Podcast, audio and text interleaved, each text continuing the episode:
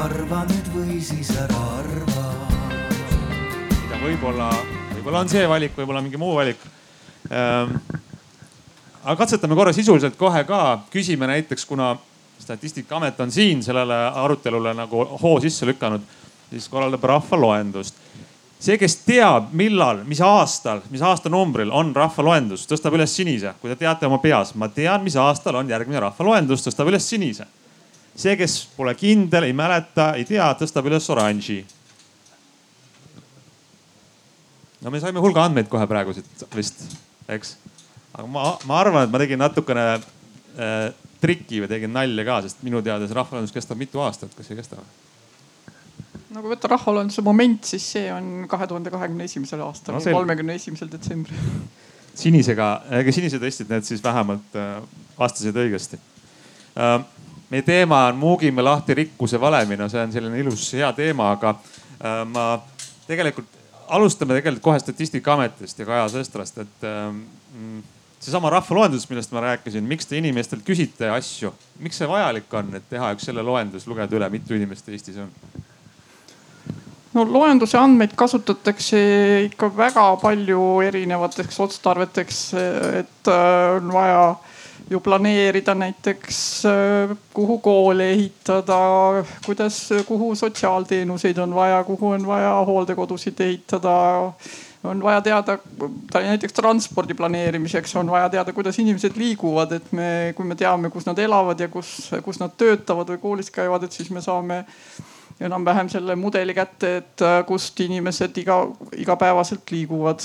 Äh, ühesõnaga rahvaloendus on nagu väga-väga palju kasutatud andmestik, et siiamaani näiteks äh, teadlased kasutavad erinevate analüüside tegemiseks, uurimistööks veel eelmise rahvaloenduse andmeid, mis on nüüd juba üle kümne aasta vanad või noh, enam-vähem kümme aastat vanad. ja isegi üle-eelmise rahvaloenduse andmeid, et, et see on ikka väga-väga rikkalik ja väga vajalik andmestik äh, meie elus kümme aastat on tõesti pikk aeg. Teie, kes te andmetega töötate, kas teile tundub, et see, mingid andmed on kümme aastat vanad, kas need on äh, noh, mis, kui, kui vanad andmed, see on väga suur üldistus praegu muidugi, rahvaloendus on üks asi, aga, aga kas sellise eaga andmed on, äh, on kasulikud veel? ma võtan siit äh, ise kohe sõna, et äh, kümme aastat on tõesti pikk aeg arvestades, mis see tehnoloogia muu valdkonnas on, eks ju, toimunud. ja tegelikult ka ühiskonnas üldiselt. Et äh, kindlasti need, mida me vaatasime kümme aastat tagasi, ei ole hetkeseisuks sada protsenti adekvaatsed, võime mingeid järeldusi teha, aga mida värskemad on andmed, seda lihtsam on seda teha. pluss me oleme hetkel juba targemad, me oskame rohkem küsida ka. Muidugi kümne aastaga on osad andmed, mis on täielikult vananenud ja mittekasutatavad, aga on ju osa asju, mis eriti palju ei muutu, et kui me küsisime näiteks rahvust ja emakeelt või sünnikohta eelmisel rahvaloendusel või, või ka haridust, et noh, sellistel üle kolmekümne aastastel inimestel või kes olid üle kolmekümne, ütleme eelmisel rahvaloenduse ajal üsna vähestel muutub haridus pärast seda, et, et meil on ikkagi olemas alus, et kus hariduse Äh, andmebaas koostada, lisades sinna siis ähm, näiteks äh, hilisemate lõpetajate andmed. Ma tegelikult tahtsingi sinna järgmisena jõuda, et ähm, kas need andmed nagu näiteks need haridus ja asjad, kas need on, mis see tänapäeval tähendab rahvaloendus, need andmed on olemas juba kuskil on ju. Need on kuskil andmebaasis olemas, kes on äh, lõpetanud mingisuguse haridusastme näiteks sünnikoht, sünniandmed vist ka, et kuidas see rahvaloenduse siis andmestik tegelikult kokku tuleb no sel aastal ta väga suures osas tulebki registrite baasil kokku.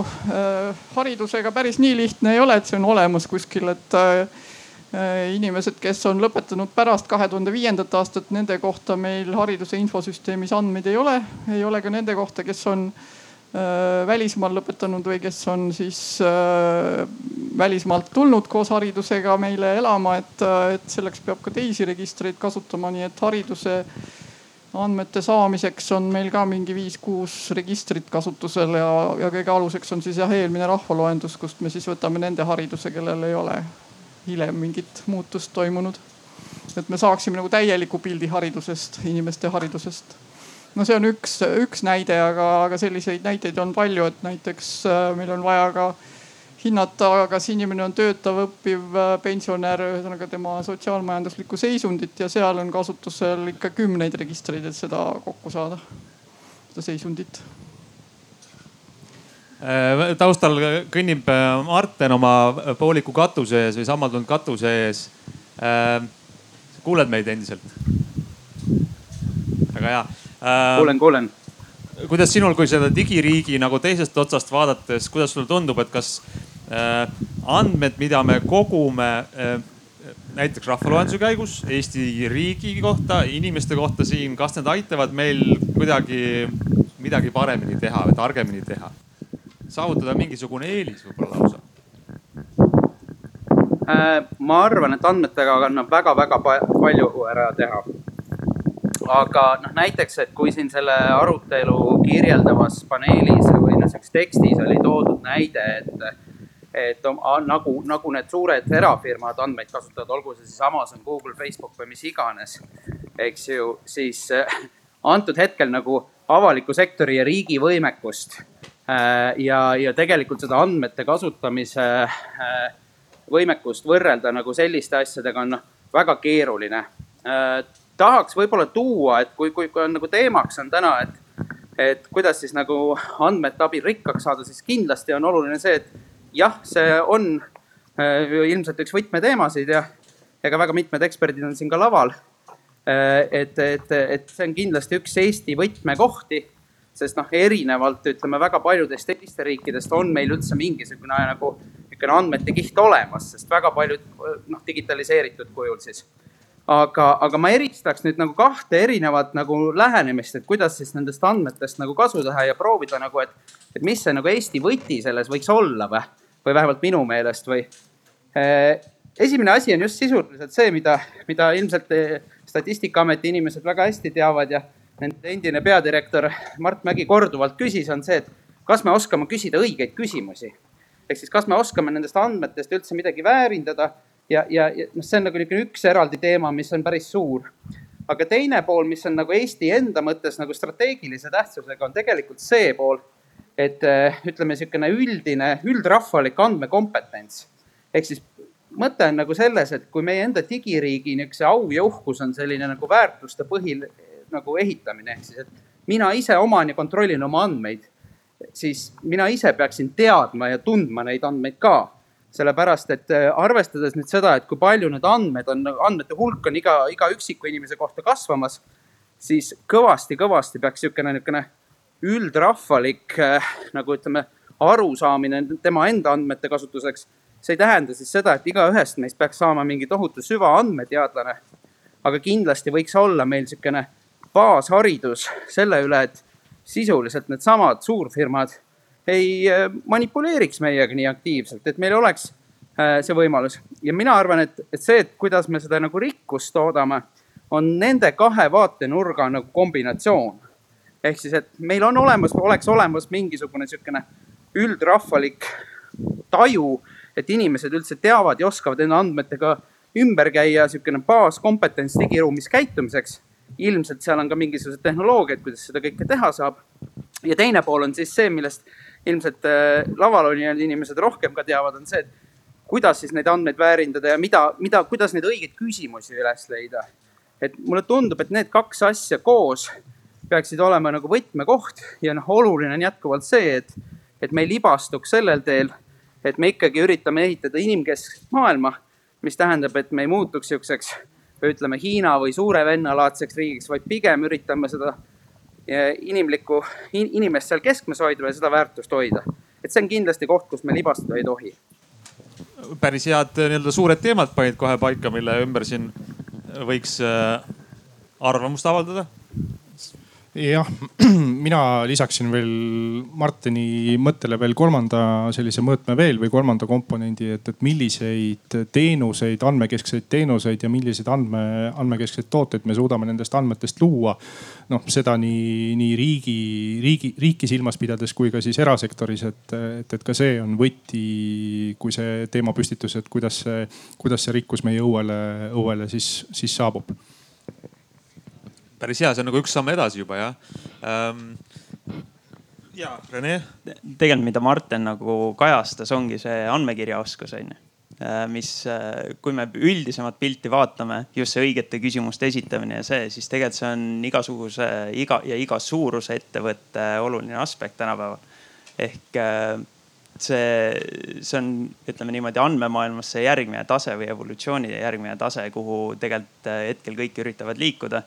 Ja, ja mis nagu on see lähitulevik. Oota, aga paneme korraks suured teemad äh, hoiule, kohe lähme nendega edasi. Lähme siis spetsiifiliseks, konkreetseks, räägite andmekirjaoskusest. võtame ükshaaval, no Gunnar, sa oled andmeentusiast, blogija, kuidas sa jõudsid sinna, mis see tähendab, kas sa jooksutad koduarvutis siis, mis see on R või mingit tarkvara ja teed, äh, modelleerid midagi või näiteks, et kas sa, kuidas sa näed seda, et kuidas äh, sinu huvi andme, andmete vastu on nagu siis realiseerunud mingisuguseks, ma ei tea, teadmiseks, mida sa näiteks paned Facebooki? no minu küsimine, küsimuse esimene pool, et, et kuidas ma nende andmeteni, andmeteni jõudsin. mul hakkas lihtsalt igav ühel hetkel ja ma mõtlesin, et, et ma tahaks, tahaks, tahaks natukene uurida ja, ja mul oli natuke vaba aega ja ma hakkasin uurima, et, et milliseid huvitavaid äh, avalikke andmeid on üldse Eestis olemas ja, ja mis nendest siis välja on võimalik kaevata ja hakkasin kaevama ja, ja küsimuse teine pool, et, et kus ma seda kõike teen, et ma kasutan äh, nii noh Google'i infrat äh,, Colabit kasutan selleks, et, et, et neid andmeid seal töödelda ja kaevandada, kui ka siis, kui ka siis oma, oma, oma kodu, koduseid äh, ressursse. aga no kui tuleb sinu juurde, ma teen lihtsalt sellise fantaasiamängu, tuleb su juurde sinu onupoegades võib-olla ammu näinud, kuidas läheb, soovid õnne, mis hobid sul on, sa räägid oma andmetest. kas see on asi, mida võiks tegelikult iga Eesti inimene näiteks natuke surkida, oma huviala kohta andmeid koguda ja koondada ja analüüsida? No võib-olla iga inimene, noh, siin oligi nagu siin alguses nagu Martin ka nagu ütles, et võib-olla iga inimesel ei olegi sellist surkimisoskust nagu eh, võib-olla nii väga vajalik, aga võib-olla selline elementaarne arusaamine andmetest, eh, andmete, kuidas nendest visualisatsioonidest eh, ja sellest, mida andmed üldse üks või teine andmed, andmed tähendavad, et, et ka see, see on nagu oluline selle andmekirjaoskuses, et mida, mida just inimeste inimestes siis arendada ja inimesed, inimesed võiksid arendada. enne kirjutamist ka lugemine, jah? täpselt nii. aga Rene, jällegi ma kuulsin ennem sa näiteks Omnivas võtad tööle uusi inimesi, kes peavad andmetega töötlema onju. mis see profiil on? kohe üks küsimus soolas seal, aga mis see profiil on, kui sa vaatad peale mõnele soovijale, kes tahab tulla sinu juurde andmetega töötama, milline tema selline Äh, haridus või taust või selline kogemus või üldse, mille järgi sa vaatad, et see inimene oleks päris hea andmetega töötamises? no minu enda jaoks on, eks ju, tähtis see inimese huvi selle vastu, sest tänapäeval on meil nii palju erinevaid õppimisvõimalusi, et iga inimene saab ennast asjadega tegelikult kurssi viia, äh, kui neil on huvi ehk ma otsingi inimesi, kellel on just selle suuna vastu huvi, kes võib-olla pole selles maailmas võib-olla tegutsenud, et neil on võimalik saada nii-öelda jalg ukse vahele, kas siis IT-sse või üldse sellesse andmemaailma. ja siis sealt neid edasi juhtida selle pealt, et enda, just enda nagu varasemast kogemusest, et mis on, mis on sinna taustale tulnud.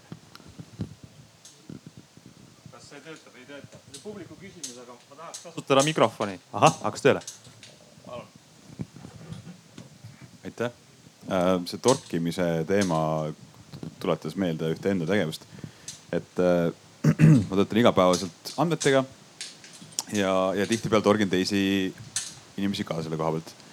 ja, ja noh, see teemapüstitus siin oli selline hästi-hästi mõnus ja suur, et kuidas andmetega rikkaks saada põhimõtteliselt, eks ju.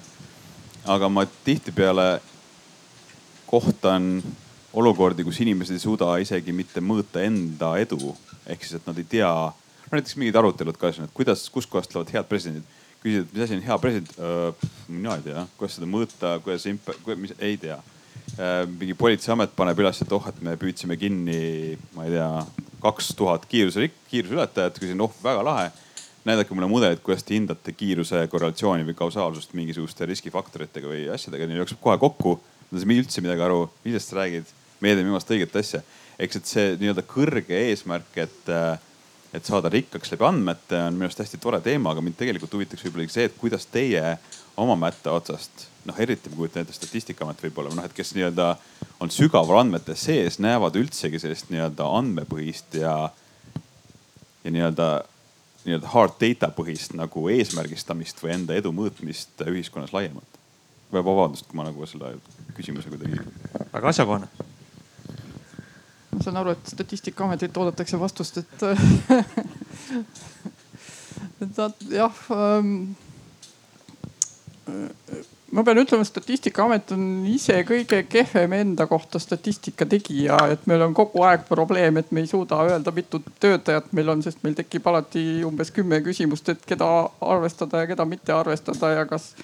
Te hoiate seda kingsepa metafoori elus ikka. kas osakoormusega, kuidas arvestada ja, ja kas küsitlejad sisse või välja ja nii edasi ja nii edasi äh, aga kui nüüd laiemalt mõelda, et Statistikaamet peaks nagu seda teenust pakkuma riigile või noh, ka laiemale avalikkusele. et äh, siis jah, väga, väga tihti jääb see jälle nende õigete küsimuste taha või, või siis on ka probleem selles, et küsitakse küll midagi, aga ei saa aru, et mis see eesmärk on, et milleks ta neid andmeid tahab kasutada või mida ta õieti mõõta tahab, et tihtipeale tuleb meile mingi päring, kus on lihtsalt küsimus, et andke mulle see et andke mulle näiteks keskmist palka teenivate naiste arv.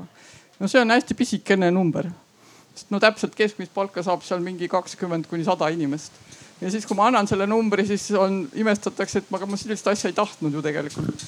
ja siis ongi nagu probleem selles, et me ei suuda aru saada, et mida õieti tahetakse, mida, mida on inimesel vaja, et äh, ma ei tea, miks ei taheta meile tihtipeale öelda, et milleks neid andmeid on vaja kasutada, et me suudaks palju rohkem anda seda infot, et mida ta võiks tegelikult kasutada või, või soovitusi anda, kui, kui me teaks nagu seda laiemat andmete kasutamise mõtet või eesmärki aga, aga kuidas te andmeid kogute, kui te ka ei tea täpselt, milleks neid kasutatakse, see natuke sihuke pimesi liikumine, kas ei ole?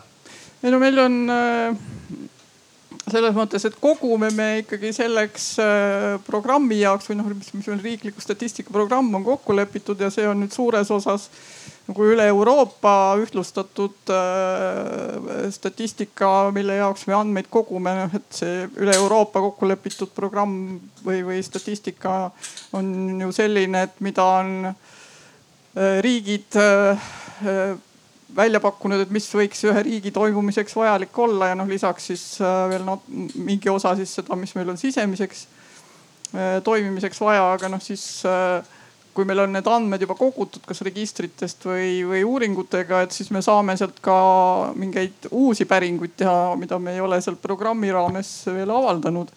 Ja, ja andmeid kokku panna, et ma praegu rääkisin nagu sellest osast rohkem, et kui meil on juba andmed olemas, et me saaks sealt veel mingit lisaväärtust välja pumbata, ilma et me peaksime nagu mingit uut uuringut jälle algatama ja, ja selleks palju raha kulutama. Ja üks küsimus sealt ka, teine rida keskel, otse selja taga, kuulame. tervist, et selline küsimus, et ütlesite Statistikaameti poolt, et väljastate mingid andmed ja siis pärast tuleb välja, et see pole üldsegi see, et äh, kas siis selle nii-öelda tellijaga ei käi mingi arutelu või lihtsalt saadate andmed teele ja, ja oleks minu meelest mõistlik, et kõigepealt käib väike diskussioon, et mida täpsemalt vaja on. Tavaliselt ikka käib diskussioon ka, aga, aga kui inimene ikkagi ei taha nagu kuulda võtta seda meie soovitust, siis me nagu oleme sunnitud tegema seda, mida ta on küsinud, et. et, et vahel on ka probleem selles jah, et, et ta, et see ettevõte või, või see eraisik või kes iganes on küsinud, et ta ei ole, ta nagu ei mõtle läbi seda. et ükskord oli ka kellelgi ehmatus, küsis keskmist vanust ja noh, see on mingi kolmekümne seal kolmekümne viie kuni neljakümne vahel on tavaliselt on meil enam-vähem keskmine vanus ja siis ehmatas ära, et ta peaks ammu surnud olema juba, aga ta tahtis saada oodatavat eluiga hoopiski. ma küsin siia vahele ühe kas-küsimuse veel, kui tohib, et kui palju on neid küsimusi Statistikaametile, millele te vastate, meil ei ole andmeid, et vastata? Äh, ma ei oska nüüd öelda, kuidas seda hinnata, et, et seda tuleb ikkagi üsna sageli ette.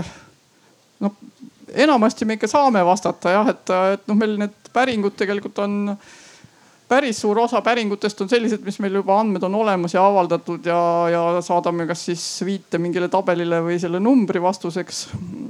ja, ja siis on selliseid, mida me saame siis lisaks välja võtta olemasolevatest andmetest ja noh, siis jääb jah, see mingisugune väike osa, mida me ei saa üldse öelda, sest meil lihtsalt andmeid pole selle jaoks. nii et võiks siukse nagu üldistuse teha, et ikkagi suurem probleem on see, et inimesed kas ei oska õiget asja küsida või ei leida andmetest üles seda mudelit, mis neil on vaja.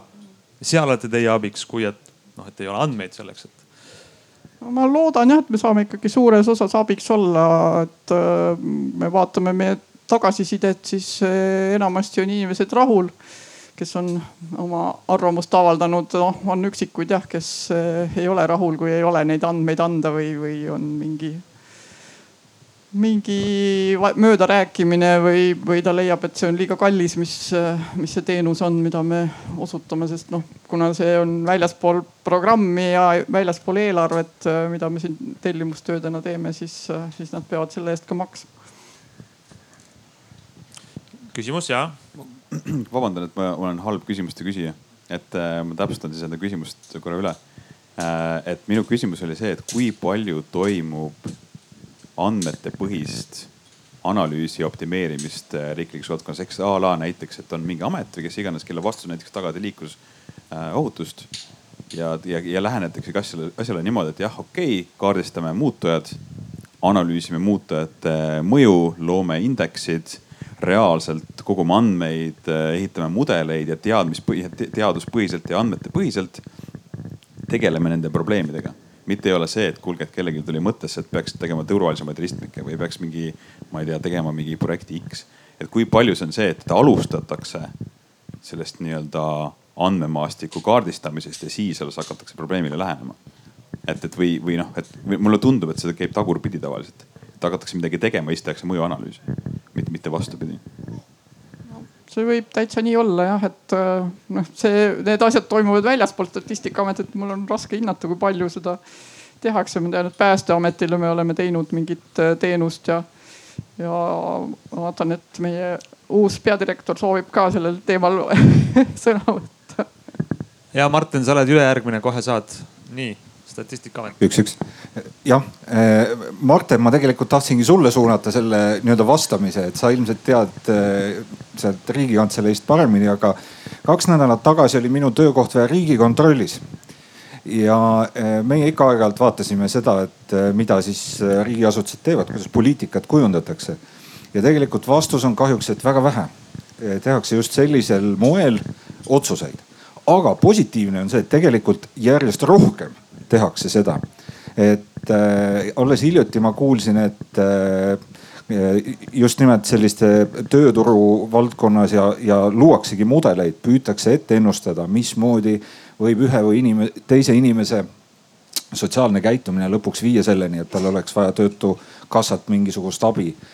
et äh, see juhtub äh, kahjuks mitte igal pool. Noh statistikaametist võttes hästi proaktiivne tegevus oli siin hiljuti, et teha eh, selliste suurte mõõdikute eh, juhtimislauad. jällegi Martin, sa võib-olla oskad paremini kommenteerida. aga täna me oleme näiteks sellises seisus, et me ei tea, kellel seda vaja on täpselt. kas kellelgi on edaspidi vaja? et eh, me loodame, et on. Martin. vot ja, ja, ja mina kommenteeriks ka siit enda poolt, et mulle tundus, et see oli üks kiilaspeaine äh, küsija sealt eestreast, äh, sest tegelikult see ongi see peamine probleem. et jah, avalik sektor siiski, mulle tundub, valdavas osas teeb otsuseid ikkagi nii-öelda märja näpuga. ehk siis, et inertsist ja see traditsioon on olnud selline ja see ongi probleem. ja nagu just Statistikaameti peadirektor tegelikult kommenteeris, siis on tekkimas häid näiteid aga see on laiem minu meelest niisugune nagu kultuurilise muutumise küsimus. ehk siis, et seesama asi, et tuleks küsida õigeid küsimusi. aga, aga eelkõige on nagu see, et äh, nii andmed kui digivärk laiemalt äh, seda siiski, siiski veel käsitletakse sellise, et jah, seda teeb mingi IT-osakond või mingid andmenohikud tegelevad. et tegelikult on see teema on nagu laiemas riigi juhtimises, kus tegelikult andmed ja, ja, ja kogu see digikompetents peaks nagu oluliselt rohkem sisse minema.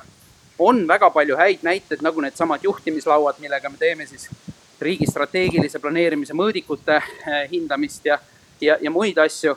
Eh, ja, ja on kindlasti väga palju häid eh, konkreetseid asutusi, sealhulgas Statistikaamet ja, ja, ja veel mõned, kes, kes on nagu häid näiteid. aga valdavas osas ma ütleks, et ikkagi, et, et see niisugune avaliku sektori andmepõhise otsustamise kultuur on madal. kahjuks siiski tehakse inertsist asju. aga, aga siinkohal tegelikult noh, see probleem on nagu ära tajutud ja sellega tegeletakse aga, aga siiski, siiski, kuna tegemist on siiski kultuurilise muutumisega, et see ei ole mitte see, et võtame uue vidina kasutusele ja siis kohe nüüd need kõik suured otsustajad hakkavadki päriselt vaatama neid. siis tegelikult ma kardan, et see ongi üks peamisi asju, kuidas need andmed siis, kuidas siis nii-öelda rikkaks saada lõpuks nendest, on see, et tuleb see kultuuriline muutus läbi viia. ja ma arvan, et nagu tegelikult meil on nagu väga palju häid näiteid, kust avalik sektor saaks nagu erasektorist õppida, sest noh kõik need meie suured, suured ja väiksemad edukamad erasektori firmad on ju noh, väga täpselt andmepõhiselt juhitud. kõik uued tooted ja teenused üldiselt, eks ju, piloteeritakse, testitakse läbi. Et tegelikult ma arvan, et avalikul sektoril on siin hästi-hästi palju õppida, aga meil on ka väga pikk tee minna. et meil on neid niisuguseid nii-öelda säravaid inimesi ja, ja häid juhte Äh, kes, kes, kes on kompetentsed nii digi kui andmete kasutamise vallas. aga need on minu hinnangul hetkel pigem erandlikud kui, kui nii-öelda tavapraktika.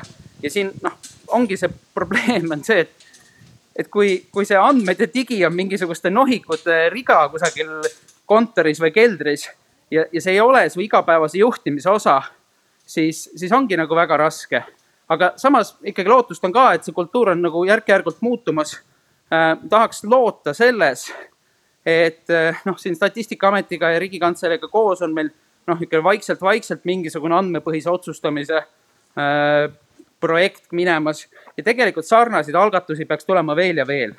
ja, ja see kõik peaks tekitama selle laias laastus kultuurilise muutumise. et kui see nagu nii-öelda otsus lõpuks jõuab siis ütleme otsustaja lauale. et tegelikult seal on need asjad läbi kaalutletud. et, et noh, põhimõtteliselt, eks ju, ja, ja arvestades, et nende andmehulkade kasvu, siis tegelikult on võimalik, ma arvan, noh, päris hästi andmepõhiselt otsustada ja, ja ütleme, poliitikate kuju, poliitika kujundajate jaoks on see olnud niisugune nagu märg unistus juba noh, ma ei tea, enam-vähem ma kujutan ette, et iseseisvumisest saati, et iga otsusel peaks olema kaalutletud ja andmed ja, ja kõik see läbi aga meil on veel väga pikk tee minna, et ma arvan, et selline mm. nagu juhtimiskultuuri ja kompetentsi muutus ongi seesama asi, mis võib meid viia selleni, et me suudame siis nendest andmetest rohkem välja saada. Äh, kas siis noh, kasu või väärtust või mis iganes inimesele või riigile endale. et, et, et see kõik hakkab ikkagi juhtimisest. ja, ja ma arvan, et sellega on veel pikk töö minna, aga samas neid häid näiteid on, kasvõi Statistikaamet ise. ma arvan, et maksuamet teeb päris hästi Äh, mõned digimajad teevad hästi, et kõiki neid samu häid kasutuslugusid tuleks nagu tutvustada, rääkida, selgitada, et need saaksid omakorda inspireerida kõiki teisi, et meil see keskmine tase nagu pidevalt tõuseks. okei okay Gunnaril oli repliik. jah, mul oli selline repliik, et äh, viskaks kinda riigisektorile ja, ja küsiks, et kas poliitika kujundamist äh, no Covidi kriisi siis juhtimisel on võimalik ilma andmeteta näiteks teha ja, ja kas ei ole mitte ka näide sellest poliitika kujundamisest, mis hakkab selliseid stigmasid murdma. et, et, et andmeid on vaja selleks, et otsuseid teha jah, see on väga hea küsimus, kas, kas keegi tunneb, et see oli talle adresseeritud? vaatame Martini poole, ta kõnnib, ta kõnnib. Aga see Covid, jah. ma võin, ma, ma võin proovida, et, et kahtlemata äh, ütleme Covidi näide, et äh, ma ei tea, esimest korda meil on teadusnõukogu, mingid inimesed, kes siis tõesti mõtlevad ja teevad neid asju ja suudavad neid asju tõlgendada. et tegelikult see on nagu hea näide. aga noh, loomulikult ilmselt äh, Äh, on siin nagu palju, palju kohti, kus saaks putitada. aga kahtlemata ma arvan, et, et see on nagu ilmselt kõige tugevamaid näiteid, kust esimest korda vähemalt mingi piirini on andmepõhine otsustamine olnud alati juures ja, ja muuhulgas, eks ju, ilma selleta siin ei saa praegu nagu noh, midagi teha, eks ju no see on tõesti hea näide, jah, Kaja. statistikaameti poolt paistis ka, et äh, hästi palju tekkis huvi andmete vastu just äh, selle seoses selle Covidiga või mitte huvi, vaid vajadus pigem, et noh, üks näide on see surmade nädalane statistika, et kui me otsustasime seda selle aasta alguses, et me seda enam ei avalda, siis äh, hakkas ka hirmus kisa üldsuse hulgas, et, et nagu olime sunnitud seda edasi avaldama ja, ja siis, kui siin planeeriti mitmesuguseid meet-, abimeetmeid, siis ikka me, minu tiim sai siin ööpäevaringselt peaaegu andmeid kokku pandud, et jälle oli hirmus kiiresti vaja mingisuguse konkreetse ettevõtte, ettevõtete grupi kohta, et kui palju nende käive on langenud ja ja nii sotsiaalministeeriumil kui majandusministeeriumile tegime väga mitmeid väljavõtteid, et nad saaksid neid meetmeid planeerida see kõik on väga rõõmustav, kas ei ole või, aga või mis te arvate, et tegelikult on ju, meil oli tohutult palju andmeid, kuidas sellist kriisi nagu juhtida e. E esimene tegelikult on ju praegune, see on teine SARS. esimene SARS, mis oli umbes, mis oli kakskümmend aastat tagasi. ja kui oleks see veel varem olnud, kas keegi kujutab ette, kuidas meil oleks olnud vahendid sellise kriisi juhtimiseks, noh meil on palju vähem andmeid, palju vähem reaalajas andmeid majanduse ja ühiskonna kohta kas teile tundub ka, et see oli praegu nagu sellist kriisi selliste andmetega juht nagu lahendada oli suhteliselt ideaaltingimused või ei olnud, mis te arvate? võib-olla seda peaks küsima vist kellelgi teiselt, kes seda kriisi lahendas, jah, ma saan aru vaikusest. aga teeme võib-olla sellise küsitluse vahepeal inimestelt, et kas te, et võiks indikeerida, kas te teil on arusaam ja tunne, teil on peas üks näide, et Eesti riiki juhitakse andmete järgi. kui teil on selline näide, olgu see Covid, olgu see mingi muu olukord, mingisugune teenus äh,, mida pakub meil äh, teie riik, teie, kellele makse maksate. kui teil on niisugune näide, näidake oranži. kui teil ei tule pähe ühtegi näidet, et andmete põhjal Eestis juhitakse midagi, näidake sinist. ja me kogume andmeid selle kohta ja me näeme, milline see üldine pilt siin on. siniseid on rohkem, oranž, üks teine oranž kolmas oranž. kuidas teile tundub, mulle sinine domineerib vist või? nähes siin äh, publiku seas ka riigisektori esindajad, siis kindlasti see sinine tundub selline üsna jah, päris hirmutav. kui keegi tahab, kes näitas oranži, kes tahab võib-olla selgitada või, või näidata, millega ta on rahul, kes näitas sinist, millega ta ei ole rahul, väga tore on no, ju meie diskussioonile mõni eluline näide juurde tuua, et kuidas andmeid nagu võiks paremini veel kasutada või, või vähem, jah, seal on üks.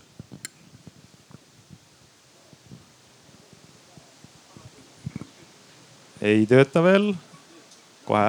ikka ei tee ah,, nüüd töötab, töötab jah mm.. Äh, tooksin näite liiklusest näiteks, et rohelises laines, kuidas need reguleeritud on.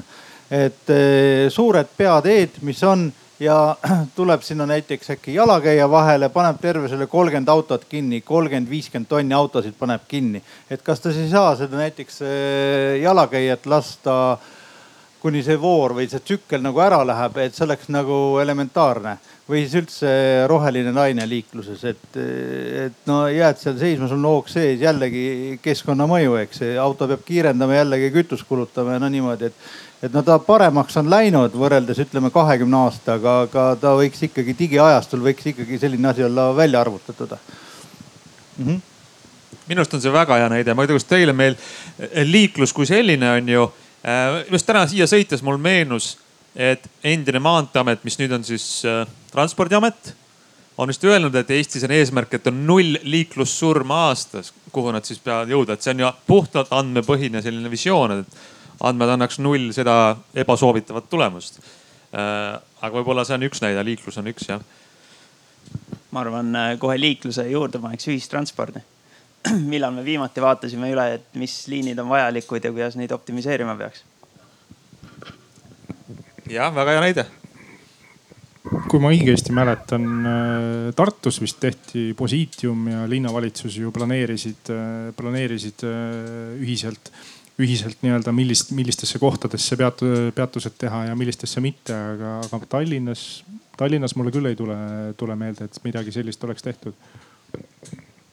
Minu Min... kogemus transpordiametiga on, et äh, nemad ikkagi kasutavad väga palju andmeid, et me oleme igasugu erinevaid maatrikseid nende jaoks ette valmistanud, et inimeste liikumiseks tööle ja kooli, ma ei tea, kuidas nad neid kasutavad pärast, et kas nad need ka nagu transpordi planeerimisel on juba kasutanud, aga ma usun, et ikkagi on.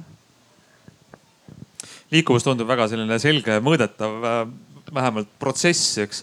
ma tahaksin juttu natukene suunata sinna, Rene, sinu poole ka, mis on erasektori selline nägemus. oled sa erasektorist, ma küsin äh,? tegelikult ei ole ei ole muidugi jah. aga väga pikad ajad on erasektoris veedetud. Äkki sa oskad vähemalt seda pilku nagu tuua siia juurde, et kuidas sa näed äh, andmete rolli selleks, kuhu suunas ettevõte läheb ja kui edukalt ta sinna läheb?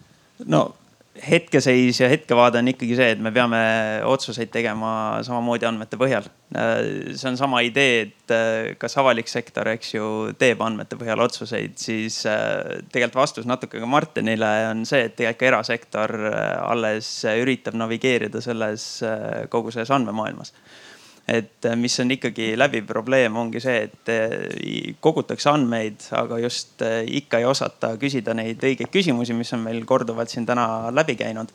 ja, ja kuidas üldse nende küsimusteni jõuda, et mis on need ärilised protsessid, mida peaks, eks ju, üle hindama, vaatama ja kuidas selle põhjal siis seda andmestikku endale luua ja, ja kuidas enda tulevikku ennustada ja vaadata. et suurtes ettevõtetes, äh, jällegi Amazoni nimi, Google'i nimi on läbi käinud, siis seal osad andmemeeskonnad on reaalselt suuremad kui mingid kindlad arendusmeeskonnad, kes lihtsalt tegelevadki sellega, et uurida, mis on see väärtuspakkumine, see väärtusahel ja, ja kuidas nemad saavad toetada ettevõtet ja, ja kuidas neid muutusi ellu viia et äh, täpselt samad probleemid, ma arvan, on nii avalikus kui erasektoris, et need üksikud tähed on, aga, aga ega see teadlikkus ei ole selles mõttes väga laiale ringile läinud edasi.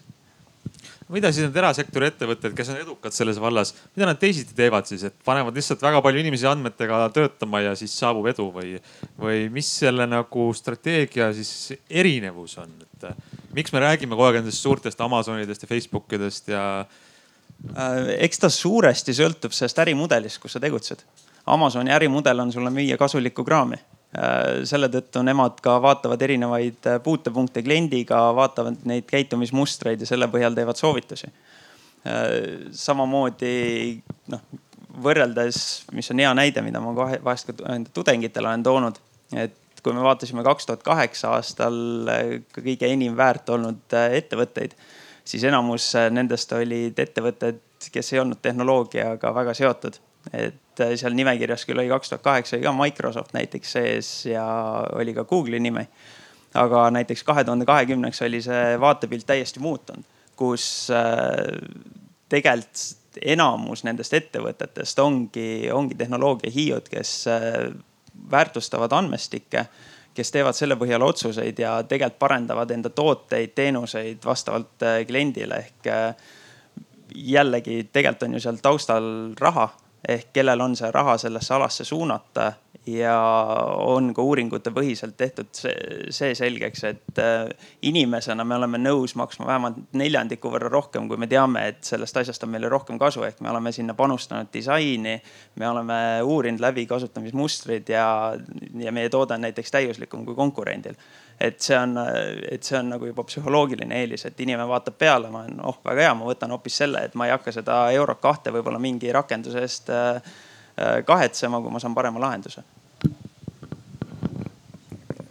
jah, ma sekundeeriks ka siinkohal Renele, et, et erasektoris äh, võib-olla, et kui otsuseid on võimalik teha kõhutunde või siis andmete põhjal, et äh, siis äh, sellist tooteid ja teenuseid, milles, millega, milles siis andmeid väärindatakse ja luuakse uut väärtust nendest, et võib-olla see, seda osatakse siis teha natukene oskuslikumalt või, või efektiivsemalt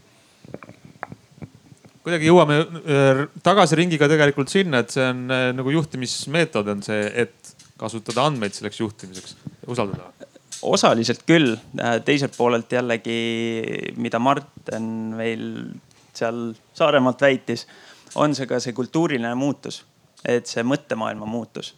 et kui meie ikkagi juhtimisstiil on olnud see traditsiooniliselt, et võtame kõhutunde pealt ja vaatame, kus või kus suunas see tuul tuleb siis äh, noh kas see, mis, mis me peame tegema selleks, et seda kultuurilist asja ellu viima, et kes peaks olema see, see juht või näide, mis, mis tegelikult aitaks sellele mõttemaailma nii-öelda shift'ile, shift'ile nagu kaasa. väga hea, meil on üks äh, küsimus või kommentaar seal eesreas.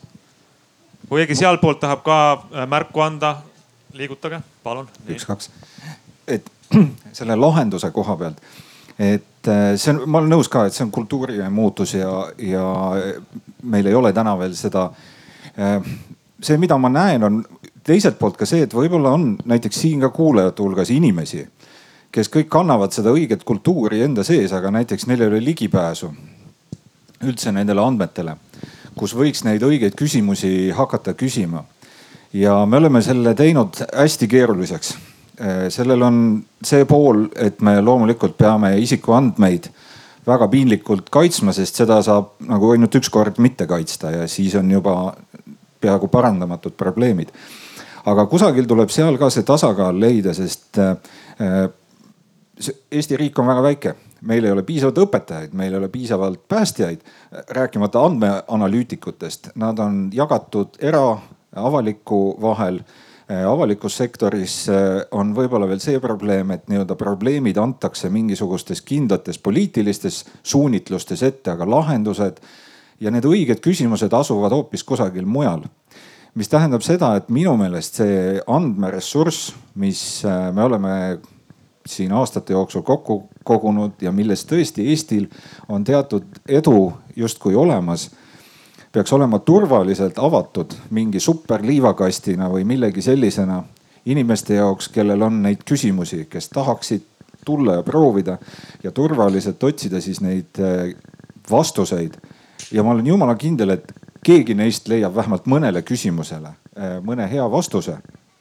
aga täna meil ei ole head lahendust kuidas seda võimaldada. meil on statistikaameti poolt vaadates sisuliselt kaks võimalust, kuidas andmeid kellelegi anda. Üks on kas statistiliseks eesmärgiks või teine on teaduslikuks. aga noh, mitte kõik nendest üksikutest entusiastidest ei ole teadus-arendusasutused või ei kvalifitseeru selleks nii et äh, see on midagi sellist, kus meie peame nagu endasse vaatama ja tegelikult riik peab ka endasse vaatama, et mida me tahame nende kogutud andmetega teha kuidas leida kõik need inimesed, kes on suutelised nende andmetega midagi tegema ja sealt edasi hakkama liikuma. et äh, see ei olnud nüüd küsimus, see oli lihtsalt üks äh, selline mõttevälgatus, mis äh, minul nüüd kahenädalase töö jooksul Statistikaametis on, on tekkinud, et äh, jah. anna mikrofon edasi, siin oli kellelgi veel üks. ekraani pealt ka lehvitati. ahah, Martin on Martin, jaa. Ma, tegelikult väga toetaks Statistikaameti peadirektorit siin ja, ja tegelikult ühe mõttevälgatuse lisaksin. et, et lähiajal loodetavasti meil tuleb äh, riigi poolt vaikselt-vaikselt käiku sihuke asi nagu nõusoleku teenus äh, mille eesmärk peaks olema siis see, et neid samu personaalandmeid igaüks peaks, saaks nagu noh, nii-öelda sättida, et kes võib kasutada ja vaadata ja, ja, ja nii edasi ja ma arvan, et kui see niisugune nõusoleku teenus nagu laiemalt ühiskondlikult kasutusele tuleks ja, ja läbi ka kõikide erinevate avaliku sektori teenuste, siis no näiteks mina oleksin küll niisugune, et, et eh, kuigi väga paljud inimesed eh, peavad nagu, et noh, terviseandmed on hästi privaatsed, siis noh, lõpuks ma olen ikkagi inimene. mina olen küll valmis oma terviseandmeid jagama teistega, kui sellest on võimalik mingit kasu välja lõigata. ja, ja selliseid, ütleme, teadlikkuse tõstmise ja ütleme, tehnoloogilise infrastruktuuri loomisel, kus eh, inimesed ise saavadki jagada ja miks mitte siis sarnases nagu turvalises liivakastis, nagu eelnevalt kirjeldati, äh, andagi kätte erinevatele inimestele, et äkki, äkki sealt tuleb midagi. ja ma olen üsna kindel, et, et, et, et see tõenäosus, et mingisugune hea küsimus või, või äriprotsess või mingisugune lahendus sealt tuleb erinevatele asjadele aga selle võimalikkuse tagamine on küll nüüd riigi asi. aga ma arvan, et jah, et nõusoleku teenus võiks ka aidata, aga jällegi selle laiem rakendamine võtab ilmselt, ilmselt ka aastaid aega siin. ja ta vist keeruline ka või ei ole või, et kuidas see kõik toimib ja kus ma lähen teen. näiteks selline, ma ei tea, kas te teate, aga väga palju räägitakse Eesti eduloost äh, välismaal seda, et Eestis on võimalik igal kodanikul ju ise vaadata, kes on minu andmeid vaadanud. teate seda? Teeme kiire küsimuse, kes on ise hiljuti vaadanud, et kui palju ja miks on tema andmeid vaadatud, näidake siin näiteks sinist ketast või tõstke käsi. kes ei ole vaadanud, näidake oranži. aga päris palju inimesi, ma tegelikult äh, lood, arvasin, et see on kõik oranž meri, aga päris paljud inimesed on käinud vaatamas, kes on minu andmeid vaadanud äh, minu hüpotees oli, et see on keeruline, et seda inimesed ei viitsi teha, aga Eesti inimesed teevad, see on, see on tore tegelikult. Äh, aga see on kuskil mingisugune teenus, mida ma lähen ja kasutan ja otsin üles, eks. Äh, et andmete kättesaadavus on, on ka teine teema, et mõnes mõttes, kui me rääkisime alguses rahvaloendusest, siis äh, nagu e-Eestis elades tekib küsimus, et, et kui palju meil tegelikult seal registrites infot olemas. ma saan aru, et rahvaloendus on registripõhine. et kas see siis tähendab, et noh, võtad ühest andmebaasist selle kokkuvõtte, teisest teise kokkuvõtte ja paned kokku ühe ilusa raporti, et kas see on registripõhine andme rahvaloendus? praegu toimub ta ikkagi niiviisi, et pannakse kokku rahvaloenduse andmebaas erinevatest registritest, et. et üks uus baas? uus baas jah, et äh, kasutatakse siis neid registritunnuseid, need tavaliselt ei vasta sellele definitsioonile, mis rahvaloenduseks vaja on. Noh, kõige lihtsamad muidugi on nagu sugu ja vanus, need on, äh, nendega on lihtne, aga, aga juba keerukamatega ikkagi tuleb äh, vaeva näha ja, ja teha mingisuguseid algoritme sinna ümber arvutada, et siis siis tekitakse, tekitatakse need äh, kohustuslikud rahvaloenduse tunnused. aga mm, kas mul vahepeal väikest tornaado tekkis siin jah, asjad lendavad, kes vaatab meid ekraani tagant, siis teil on mõnus kõik, meil on siin tuul. Äh, aga ometi on äh, Eesti ju mõnes mõttes väga heas olukorras, kus väga palju andmeid on olemas igal pool, eks. meil on nagu potentsiaal selleks, et neid andmeid siis paremini kokku panna ja kasutada, on, on, on keskmisest parem või ei ole? Kindlasti on parem, et meil on olemas need identifikaatorid, et andmeid kokku panna, et ega rahvaloendusel lisa, lisaks inimestele loendatakse ka eluruume. ja meil on olemas aadressi identifikaatorid, et kõik, kõikidel majadel on omad soid ja siis äh, on ka vaja äriregistri andmeid kasutada, et äh, töökoha infot äh, juurde saada inimestele, selleks on meil äriregistri koodid olemas, et, et selles mõttes on selline päris hea süsteem meil. Aga ma lihtsalt nii-öelda seda mõtet edasi arendades, et me loeme neid rahvast, kuna ma kasutan rahvaloenduse näidet selleks, et mõelda, kuidas üldse Eestis siis näiteks andmete põhjal midagi otsustada. et kuidas näiteks teile tundub, kas see, et me teeme ühe korra selle väljavõtte registritest ja ütleme, et selle seisuga on rahvaloenduse andmed sellised. kas me saaksime siit ka edasi liikuda, et ma saan reaalajas teha rahvaloendust iga kord, kui mul on vaja mingeid andmeid, et ma teen selle väljavõtte. ma küsin nii-öelda andmetega töötamise seisukohast teilt. Rene naerab. Alati naeran, liiga optimistlik inimene äh,. aga selle koha pealt äh,, kuna meil juba tegelikult baassüsteem on loodud või mingil määral loomisel, meil on identifikaatorid kõik olemas, siis äh, noh ma võib-olla räägin siin Statistikaameti vastu, aga võib-olla mitte, et äh, mitte miski otseselt ju ei takista meid neid andmeid kogu aeg tegelikult pärimas. samamoodi nagu me tegutseme andmeladudega, et kord päevas võib-olla asi uuendab oleks ju täitsa äge vaadata üleüldist trendi, kuidas meil midagi muutub, kas me näeme, et meil tõesti rahvaarv näiteks äh, muutub, langeb, et noh. alati ei pea, eks ju, me küsima inimeste käest seda, vaid saamegi nende baaside alt äh, panna kõik kokku. no meil päris palju andmeid tulebki igapäevaselt töötamise registrist saame iga päev andmeid, näiteks äh, ka rahvastikuregistrist saame me igapäevaselt, noh põhimõtteliselt saaks jah iga päev teha mingi minirahvaloenduse, aga noh, see on nii töömahukas, et. et äh, praegu on nagu plaanis seda üks kord aastas teha edaspidi. mis on vist kümme korda parem, kui et iga kümne aasta tagant jah? igal juhul efektiivsem nojah, siin on ilmselt ka küsimus selles, et eh, kui registritest need andmed kokku korjata, et, eh, et eh, kui head need registrid andmekvaliteedilt on, et, et, et võib-olla siin tõesti, võib-olla, võib-olla siin tõesti nagu on võimalik see registrite kaudu ära korraldada, see loendus, aga, aga kindlasti ju tuleks ka üle, üle valideerida no sellega me praegu tegelemegi suures osas, et registrite kvaliteedi hinnata ja, ja, ja kui on äh, võimalus, siis äh, korrigeerida mitme registri koos, koosmõjus siis, kui on mingeid kvaliteediprobleeme. Äh, üks küsimus, jah. ja juba enne ähm,. Selle kultuurilise muudatuse koha pealt äh, tahtsin küsida või kommenteerida, et äh, ma ise tegelen erasektoris suurte ettevõtete selle muutuse juhtimisega, et asi läks rohkem teadus, teadus, andmetepõhiseks. ja põhimõtteliselt kõige suurem probleem seal ongi see, et äh, kultuuriline muudatus selle koha pealt, et on okei okay eksida.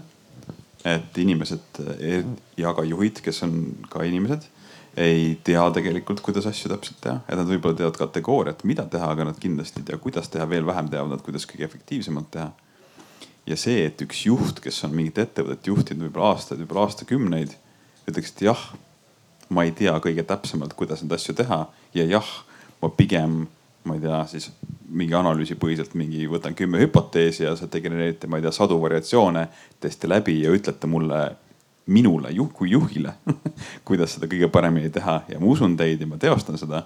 see on ikka paras pähkel ja ma ei kujuta, no tegelikult hea meelega kuulaks võib-olla, kuidas riigisektoris sellega läheb, aga, aga jah, selline kommentaar. ma natuke lisan siia juurde, et äh, tehti mingi hetk IBM-i poolt uuring, kus siis oli circa seitse pool tuhat juhti ja selle tulemusena oli see et, et üheksakümmend üheksa protsenti juhtidest saavad aru, et andmeid on vaja kaheksa protsendil nendest ettevõtetest äh, on tehtud investeeringud. Äh, sealt liikudes jälle natuke allapoole, kakskümmend neli protsenti nendest juhtidest peavad ennast, eks ju, andmekirjaoskuslikeks, et nad mõistavad, mis seal toimub, nad saavad sellest asjast aru. Äh, aga järjekordselt see sealt allapoole nagu ei ole liikunud et pigem probleem selles, et kui isegi juhid võivad olla, siis nende töötajad ei ole enam nii efektiivsed just nende andmete kasutamisel ja kui me, eks ju, andmetest suuremas pildis räägime, siis tegelikult see on hetkel juba oleme selles faasis, kus peaaegu igal ametipositsioonil on sul võimalus äh, tegutseda andmetega, kui sul lihtsalt endal huvi on. Jõuame kuidagi sellisesse olukorda, et me kõik siin äh, oleme nõus, et andmeid on vaja, meil on ka andmeid, me oskame neid kokku panna ja siis on äh, nagu seisak ees, et Eesti inimesed ei oska, ei ole valmis mõtlema selles kategoorias, et, et me kasutame neid andmeid hästi, et kuidas me siis edasi saame siis? mis me siis, mis siis nagu lahendus on, kas siis jäämegi nagu vaatame, et asi on siis niimoodi, et andmeid on ja, ja me teame, et nad on head ja vaatame neid edukaid näiteid seal ja mõtleme, et äkki tulevad siis kunagi targemad inimesed, kes oskavad nendega midagi hästi teha või? Või, või, või on kellelgi mingisugune mõte, et mida me siis Eestis peaks tegema? mul on üks selline repliik või mõte siia, et, et kui me vaatame kasvõi meediapilti, siis kui palju ilmub äh, selliseid andmeajakirjanduslikke lugusid üldse Eesti meediaväljaannetes.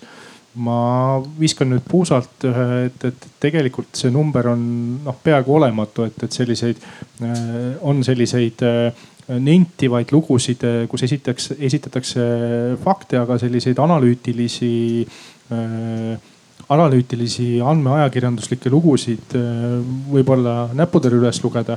erinevalt äh, muust maailmast, et kui Economisti või New York Timesi vaadata, et, et, et on selliseid lugusid, lugusid piisavalt, et ka, ka see oleks üks koht, koht, et kus sellist üldist andme andmekirjaoskust äh, hakata suurendama, et, et, äh, et, et ka ajakirjanduses hakkaksid ilmuma andme, andmekesksed lood. ma arvan, et see on päris hea näide sul jah, et ähm, võib-olla näiteks kui me mõtleme viimase kaheteist, kaheksateist kuu Eesti sihukesele avalikule arutelule, siis on väga palju selles kriisikajastust on käinud ühe paari numbri ümber lihtsalt, aga, aga kas, mis need andmed seal ümber on, seda ma pole vähem olnud tõesti. Martin on, äh, naerab seal Saaremaal kas ma nägin ennem su käemärgist, et sa tahtsid öelda midagi vahele või oled nõus? põhimõtteliselt äh, selles mõttes, et äh, mulle tundub küll, et me oleme tegelikult päris ikkagi kaugel ja jätkuvalt üks, üks lihtne võte on tegelikult äh, sarnaselt nagu see, et ajakirjanduses rohkem käsitleda, tuleks neid edulugusid analüüsivalt kirjeldada ja, ja neid tähistada. ja, ja, ja tuua siis konkreetselt võib-olla, võib-olla küünilisematele inimestele välja, et vaata, nii palju raha tuli juurde või säästeti et, äh, et edulugude tähistamine, ma arvan, on kultuuri ehitamise üks alus, alusvõtmetegurid. ja mis on see edulugu, mida sina näiteks räägid äh, ülejäänud maailmale Eestist nende andmete kasutamise kohta? No ma arvan, et klassikaline selles mõttes, et äh, Eesti enda kontekstis ei ole see midagi nii erilist enam, aga, aga sisuliselt äh, maksuamet, kus on kolm korda vähem inimesi ja oluliselt kiirem ja, ja parem teenus, eks ju, kui, kui ütleme aastal kaks tuhat. et see on ikkagi, see on ikka klassikaline leivanumber välismaal ilmselt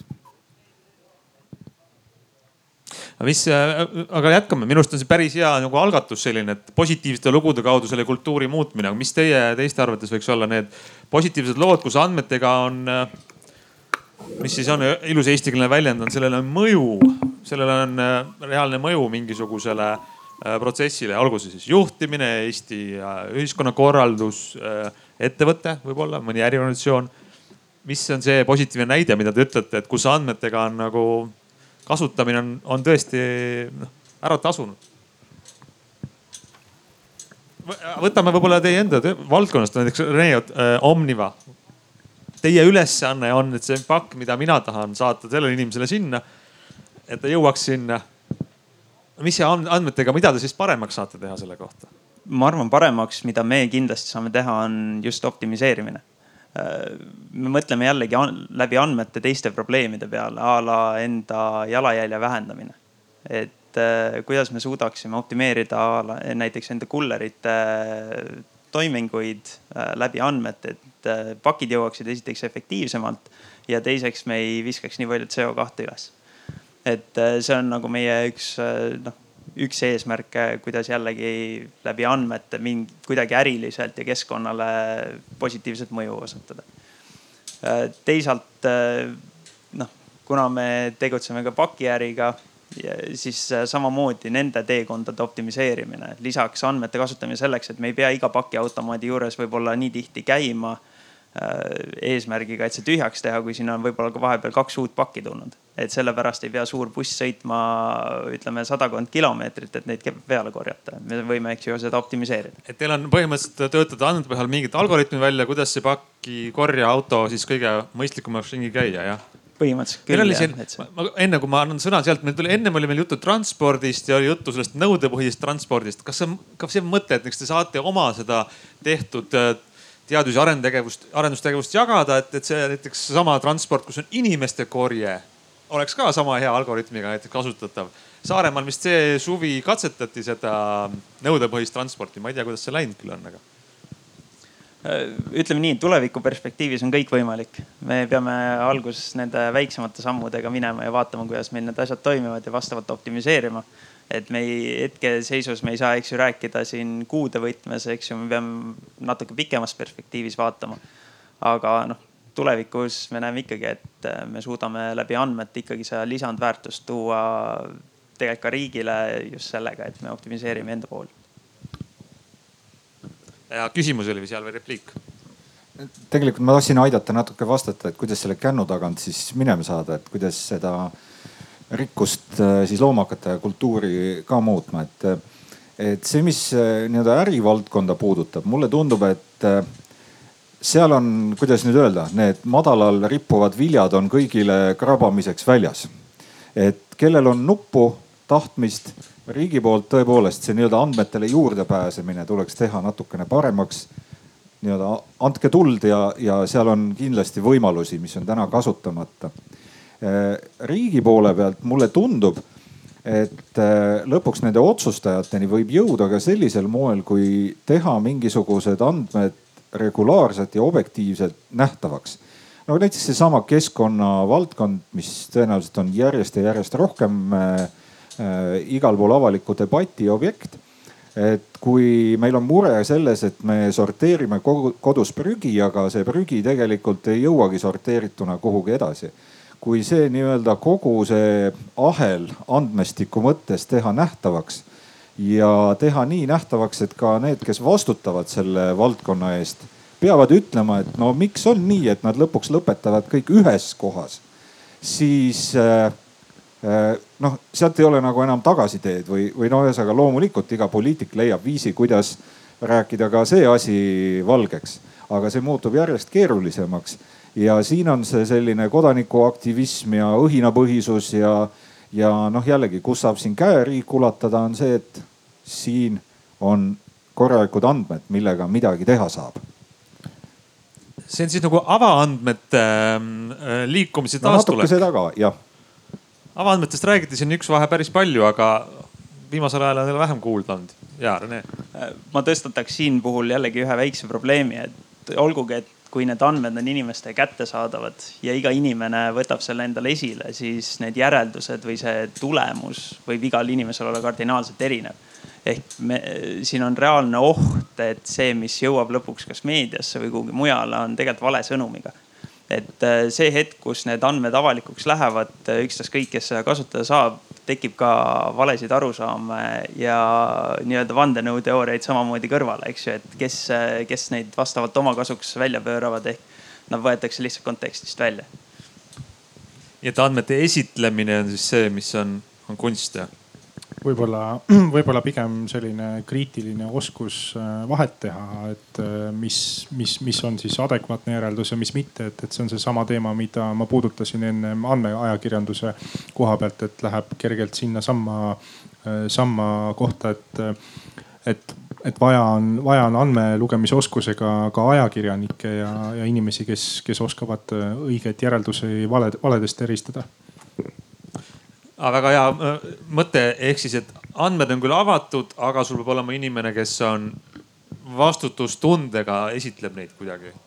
jah minu meelest on avaandmete puhul ka see küsimus, et kuidas nad kirjeldatud on, et kui, kui põhjalikult on teada, et kuidas need saadud on, kuidas äh, või, või mida seal, mis seal taga üldse arvesse on võetud, et äh, noh, statistikaametil on oma kohustuslik äh, see metaandmestik vaja igale andmetabelile lisada, aga noh, kuigi siin Martin kiitis maksuametit, siis mina vastupidi olen kogu aeg hädas olnud, et nad avaldavad mingisuguse numbri, aga mitte keegi ei tea, kuidas see saadud on. et neil on ka päris palju statistikat, keskmist palka avaldavad ja igasuguseid asju, mis äh, noh, mis me peame siis äh, jälle põhjendama, miks meil on, miks statistikaameti numbrid on erinevad kas keskmise lehelugejana mul meenub, et tihti on niimoodi, et tulevad need äh, keskmise palga andmed ja siis vaatad, mida ütleb Statistikaamet, mida maksuamet ja siis valid selle meelepärasema numbri oma. tavaliselt valitakse hästi väike, et maksuameti numbrid on väiksemad. kiruda tahad, siis valid väikse, kui oled rõõmus, valid suurema. aga see ongi see, et meil mitu, eks ju, ettevõtet või pakuvadki seda enda vaadet ei ole nagu seda konsolideerimist, kus me saame kokku, me räägime ära, et mis kriteeriumitel me oleme seda teinud ja mis on see lõplik tõde.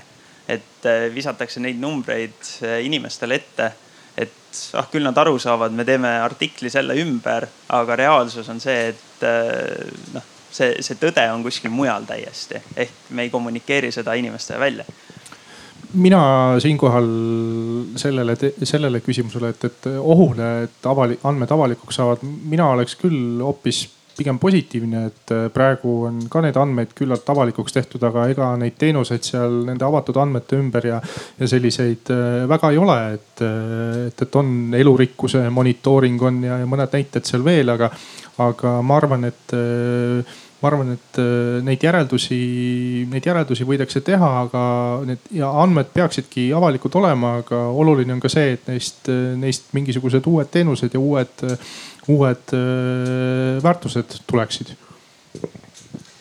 see on väga hea jutu ots, kust edasi minna, aga ma vahepeal annan publikule ka sõna. üks, üks, üks. siin tekkis selline mõte andmete kasutuse kultuuri propageerimiseks võiks Statistikaamet näiteks teha sellise konkursi, et siin on avaandmed, pöörduda nii-öelda näoga rahva poole, avaandmed ja kes teeb ägedama, siin on lähteülesanne ja kes teeb ägedama visuaali, siis see saab auhinnatud kuidagipidi ja need ägedamad visuaalid ka avalikustatakse siis noh näituseks.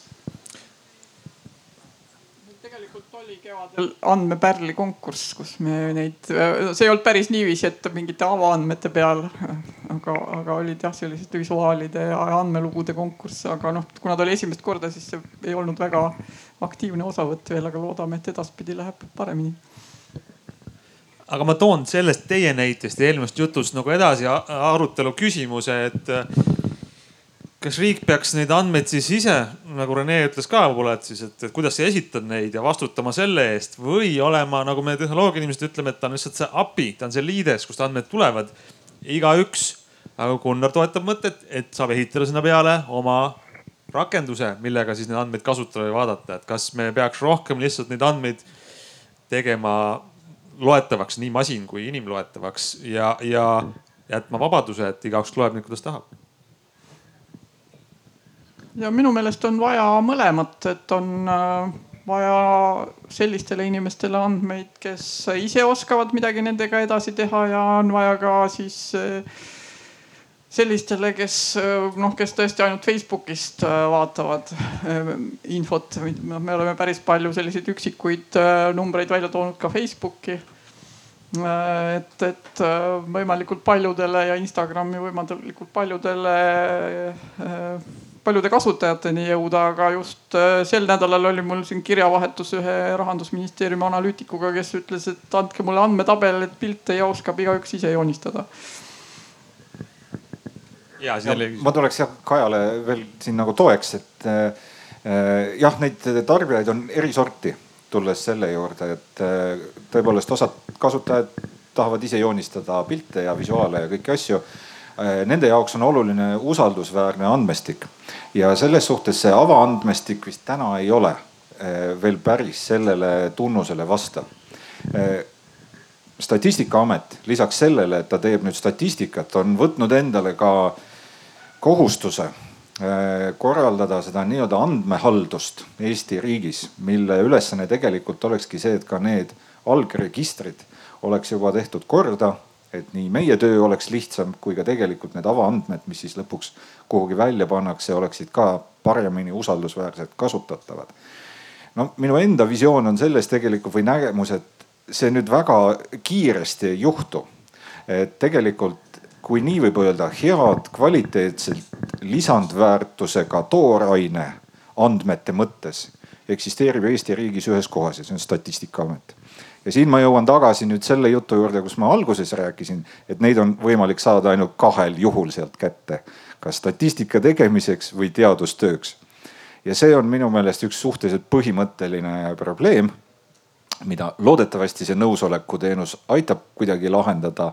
Ja me saame sinna eh, nii-öelda rohkem inimesi juurde või, või kuidagi seda andmestikku eh, rohkem kättesaadavaks teha, aga see ei tähenda nüüd seda, et nende avaandmetega ei peaks edasi töötama, et see on ikkagi asi, mis, mis peaks edasi, edasi liikuma. ma toon ühe näite oma töökogemusest avaandmete kasutamisest, et kus on, oli võimalik äriprobleemiks ümber pöörata. et äh, tegime kuskil pool aastat tagasi Euroopa Kosmoseagentuuri Copernicuse andmetel põhineva siis äh, lahenduse, kus me, kus me tegime uurisime kunstmuruväljakuid, äh, jalgpalli kunstmuruväljakuid.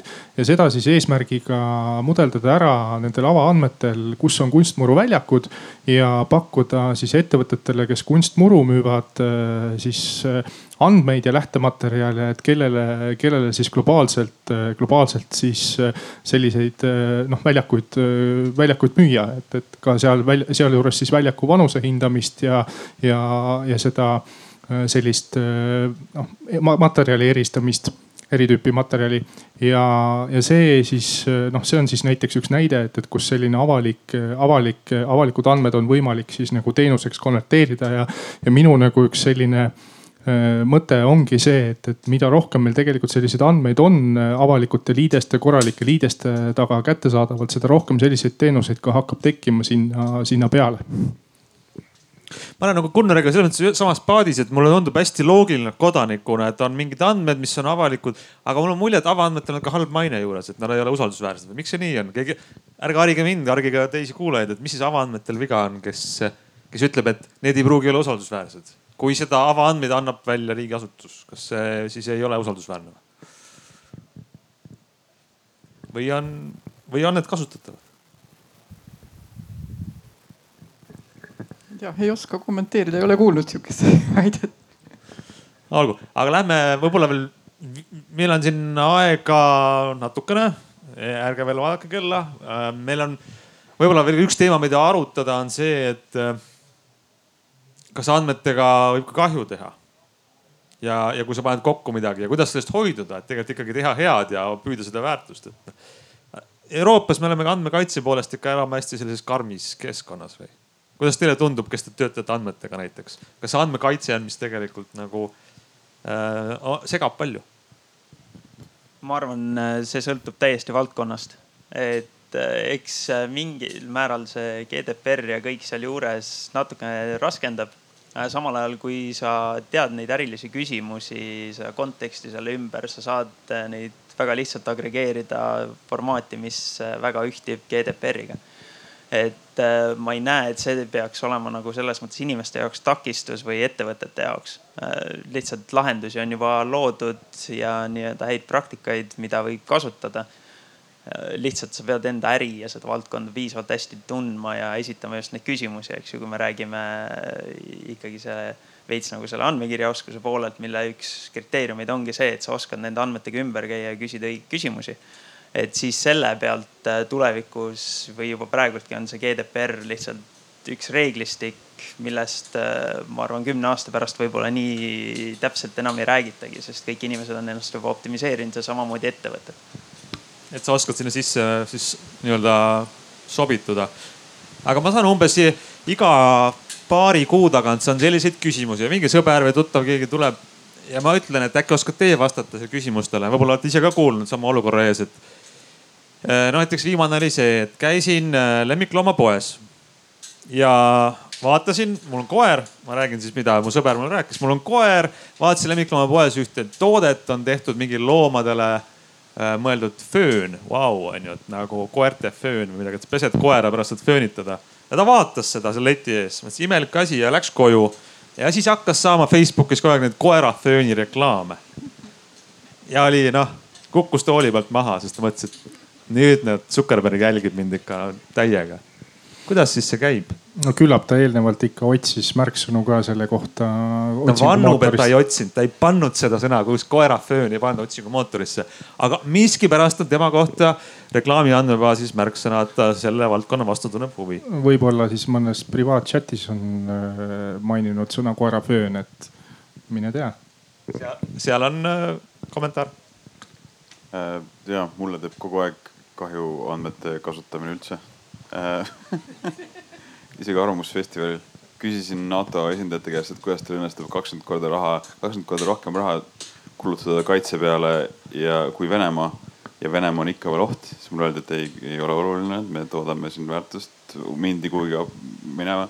siis äh, hiljuti vaatasin, et Eesti Loto maksab raha tagasi piletiostjale kuskil viiskümmend kuni seitsekümmend protsenti, keskmine online kasiino üheksakümmend protsenti.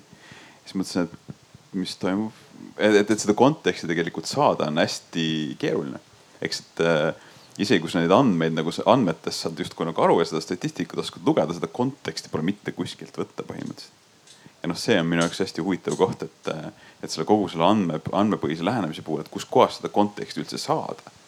et, et noh ma, ma, ma isegi ei tea. ma arvan, et kui ma Eesti Lottole helistaks, küsiks, et kuulge, et, et miks nii palju tasku panete? kuhu läheb siis on see, et oh, mis mõttes me siin teeme mingit väga okeid lotot onju, kuigi te võtate rohkem raha kui online kasiino onju. ehk siis, et äh, see on hästi huvitav teema minu jaoks, et kui teil on mingit infot, et kes, kus sellist konteksti võiks luua, see oleks hästi huvitav. ja see tegelikult ehmatabki inimesi ka tihti see, et äh, andmete, ütleme ristkasutamisega ja kokkupanemisega sul on võimalik äh, saada teada midagi enamat, mida sa ennem ei osanud küsidagi. aga kas see on oht või on see pigem võimalus? kuidas teile tundub? eriti Statistikaamet, kellel on väga palju eriandmeid ja, ja nagu te praegu ütlete, te ei anna seda kõike välja. kui te annaksite, mis siis see oht seal on ja mis see, mis see võimalus?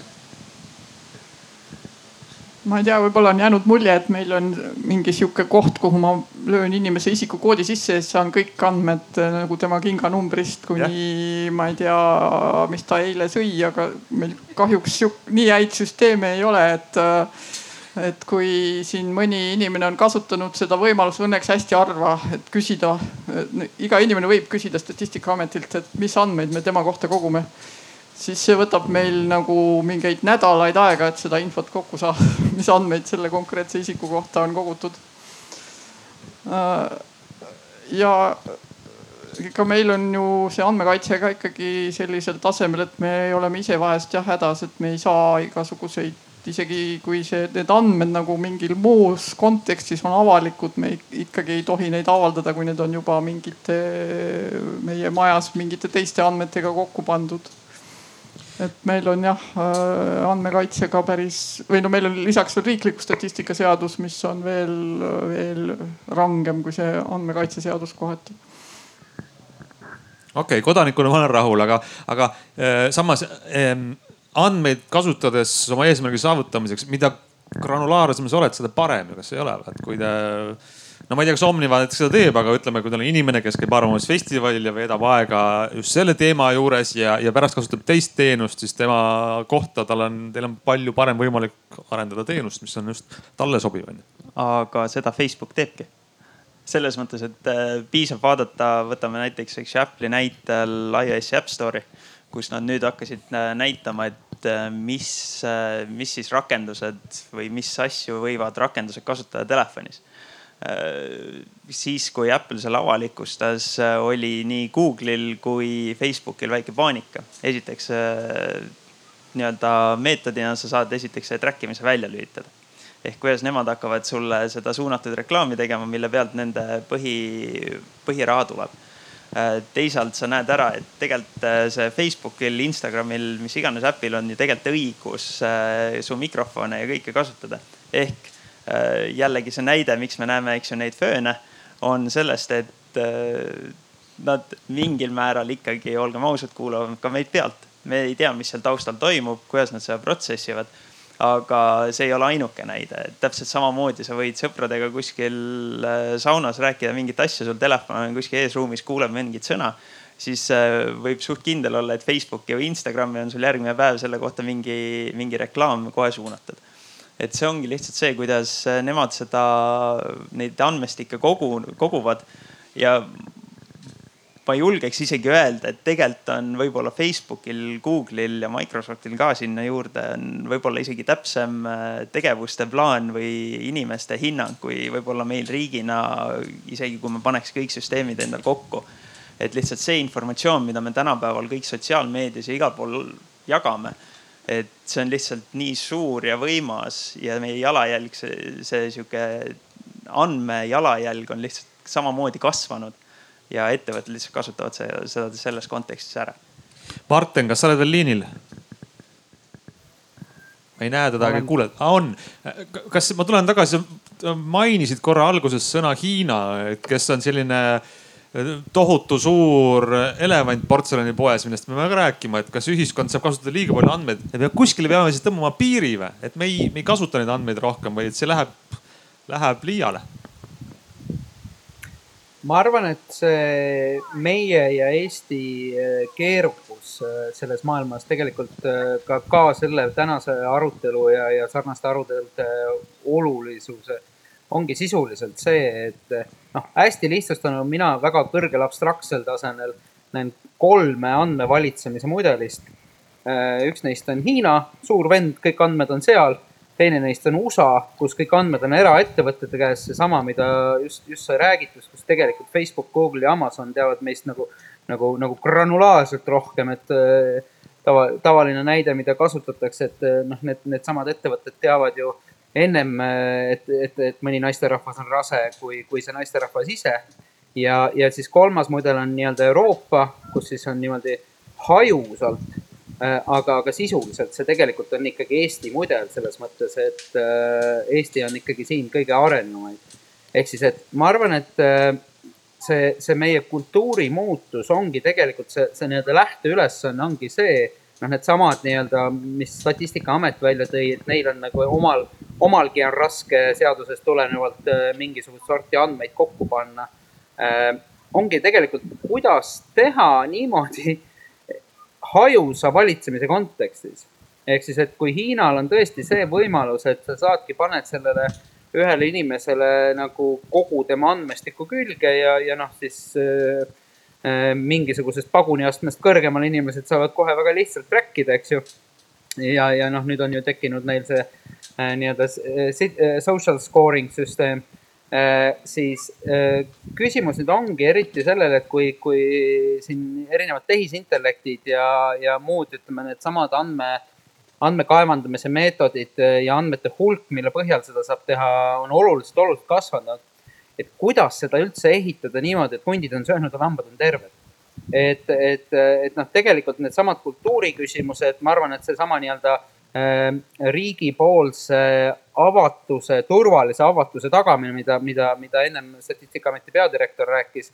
Äh, et, et mingisugused siuksed asjad aga siin lihtsalt natukene selle probleemi keerukust äh, raamib see, et äh, selles asjas ma arvan, et me olemegi maailmas äh, nii-öelda eesrinnas. Ehk siis ma usun, et, et ütleme riigina äh, tegelikult, A, meil on need andmed olemas äh,. et, et ütleme selle taseme nagu probleemi lahendusteni tegelikult teised riigid veel ei tegele. ja, ja ma arvan, et see, et kui me suudaksime need, ütleme kultuurilise muutuse rattad äh, vaikselt käima panna, et noh, ütleme juhtimises ja muu, mujal see, see kultuurimuutus hakkaks toimima. Siis ja, ja noh, teistpidi loomulikult siin on ka osaliselt siukseid tehnoloogilisi asju, et kuidas on võimalik äh, noh, seesama nõusoleku teenuse puhul, et kuidas on võimalik hajusalt seda teha ja, ja, ja seesama andmekirjaoskus, sihuke üldrahvalik. et, et tegelikult need probleemid, mille ees me seisame, ongi uued ja keerukamad kui varem Äh, äh, ja, ja ma arvan, et meil on nagu jah, mõningaid näiteid välismaalt saab vaadata, aga me peame selgelt tegelikult aru andma, et me oleme selles noh, ütleme navigeerime nagu kaardistamata merel.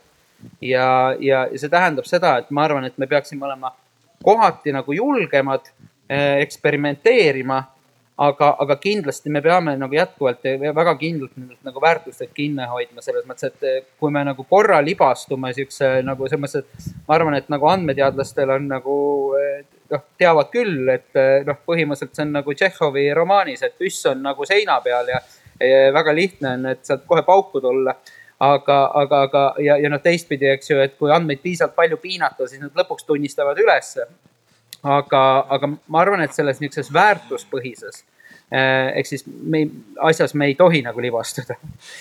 kuule, see on minu arust hästi äh, mõnus, ma olen sulle väga tänulik, et sa ütlesid midagi sellist, mis laseb meil rahulikult siit pärast koju minna. mitte, et me ei tee midagi valesti siin Eestis, vaid me lihtsalt avastame uut asja, keegi pole varem Eestis, maailmas seda teinud, et noh, see on palju mõnusam tunne, kui et äh, tegelikult on õige tee olemas ja meie lihtsalt oleme sellest kõrvale kaldunud, et kuidas teised arvavad äh, ma tegelikult vaatan ka kella natukene ja, ja enne kui ma teilt veel korraks küsin ühe küsimuse, siis küsin korra ka veel publikult, kellel on käepärast sinine ja oranž asi, siis ma võib-olla küsiks niimoodi teilt, et eh, me arutasime seda, et, et andmekirjaoskust on rohkem vaja.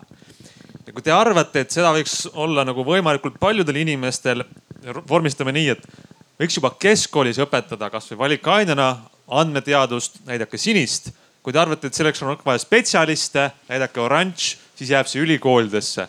sinine, laialdane, äh, oranž rohkem äh, kitsam ja oranži on üks, kõik ütlevad, et massidesse andmekirjaoskus, andmeteadus.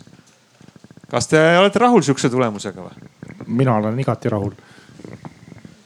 ja teised?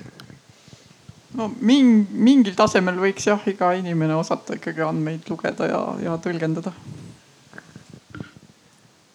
Ma, ma, ma panen siia ühe, ühe hea lause järje, järjekordselt, mida ma alati tudengitega olen jaganud, et äh, üha andmepõhilisemas või keskses ühiskonnas, kus me oleme ja see nagu selles mõttes hetkel ei lõppe, see ainult kasvab edasi siis me oleme tegelikult varsti selles äh, või tegelikult võib-olla juba olemegi punktis, kus see andmekirjaoskus on põhimõtteliselt sama tähtis äh, kui kirjandus näiteks. et, et me oskaksime tegelikult nende andmetega ümber käia, on peatselt sarnase tähtsusega aga see on minu arust päris hea kokkuvõte, ma annan veel tegelikult igahel veel korraks, kui kellelgi on midagi südamele öelda selle meie sellise slogani kohta, mis selle meie arutelu raamistas, et kuidas siis ikkagi rikkaks saada, rikkaks saamise valem. me rääkisime kõik komponendid läbi, et kus need andmed on, kuidas teha kättesaadavaks, on vaja juhtimist, on vaja kultuuri, on vaja kirjaoskust ja lugemisoskust mm..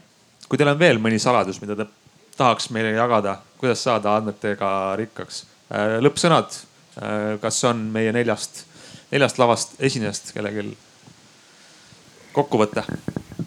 no minul on, minul on üks, üks veel, et mida ma juba siin ütlesin ka, et, et rohkem andmekeskseid tooteid ja teenuseid, äh, siis, siis on siis on see kindlasti üks, üks selline rikkuse valem ja, ja kordan ka, kordan ka siin Martini alguses öeldud, et, et oskus osata õigeid küsimusi küsida andmete pealt. Väga hea, kas tuleb veel mõni või siis ja Martin Äh, mina tegelikult äh, viitaks tagasi Hans sinule endale. Äh, sa vahepeal nagu üritasid seal midagi nagu sinnapoole suunata, sellest küll midagi ei saanud. aga ma arvan, et näiteks eriti avaliku sektori puhul, aga kindlasti ka erasektori puhul neid samu mudeleid ja neid samu programme ja kogu seda tehnoloogiaks tuleks avada ka Äh, ja selle mõte on siis see, et eriti veel nüüd erasektori, ütleme avaliku sektori puhul on lihtne, et, et kõik, mis on nagu maksumaksja raha eest tellitud, peaks olema nagu avatud lähtekoodiga. et seda oleks võimalik ka mujal kasutada.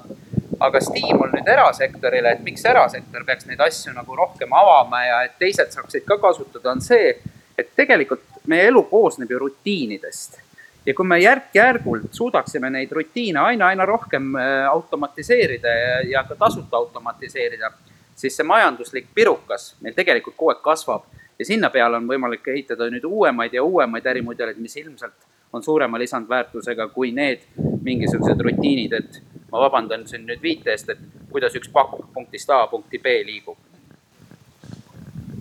mis muide säästab väga palju aega, et ma ei pea käsitsi seda viima punkti B on ju. aga see on päris hea kokkuvõte, sest see reaalseks teeb meid rikkamaks, kui me suudame leida andmetega midagi sellist, kuidas elu efektiivsemaks teha. ma nüüd ütlen, et aitäh Gunnar Kukk, Kaja Sõstra, Rene Kooli, Martin Kaevats ja teie kõik, et äh, oli tore. räägime jälle. selge see.